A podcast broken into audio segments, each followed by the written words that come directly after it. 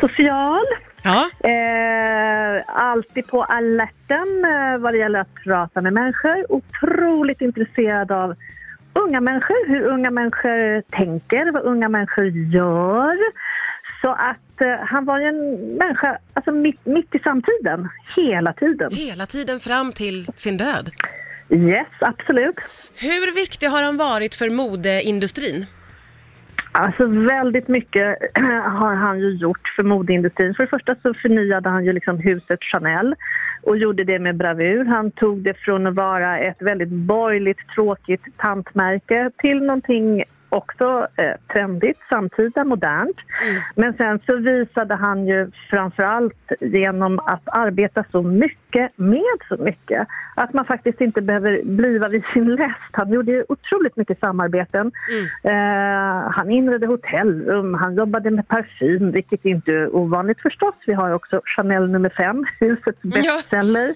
Men eh, han gjorde ju smink eh, till sin katt.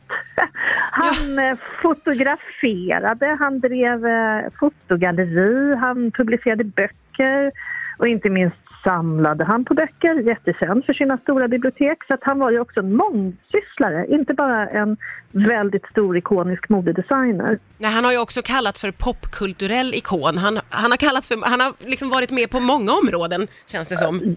Ja, men han har gjort allting från typ eh, ja, reklamfilm för glass, eh, eh, mc-hjälmar. Alltså du kan typ räkna upp vad som helst som du skulle önska dig eller inte vill ha och det har han pillat på. Det känns som att han liksom gav sig på det han tyckte var roligt.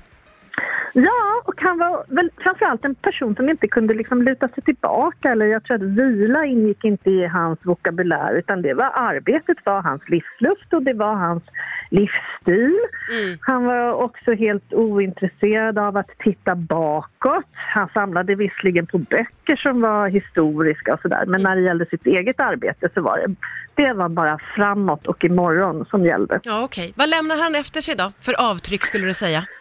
Eh, han lämnar ju framförallt ett tomrum efter sig och det tomrummet är lite skulle jag vilja säga större än han själv därför att med eh, Karl Lagerfelds bortgång så är det på något vis som att den sista stora modekejsaren går bort. Alltså Yves Saint Laurent finns inte längre.